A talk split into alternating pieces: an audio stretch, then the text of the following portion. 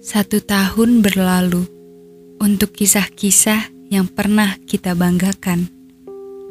Seharusnya hari ini adalah hari yang paling membahagiakan.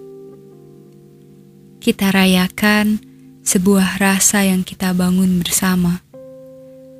Lalu kembali memanjatkan, semoga kita terus bersama untuk tahun selanjutnya dan selanjutnya.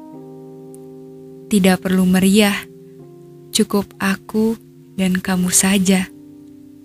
Di kebun teh misalnya, jalan-jalan sembari menghirup udara segar dan menjauh dari perkotaan. Atau di tempat pertama kali kita bertemu juga tidak masalah.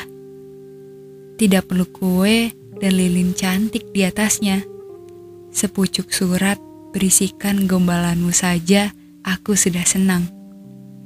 Tapi kasih, rencana Tuhan memang paling indah. Jika dirimu dan dirinya adalah bahagia, maka tidak ada lagi kita. Selamat mengulang tahun yang lebih cepat kau sudahi ceritanya.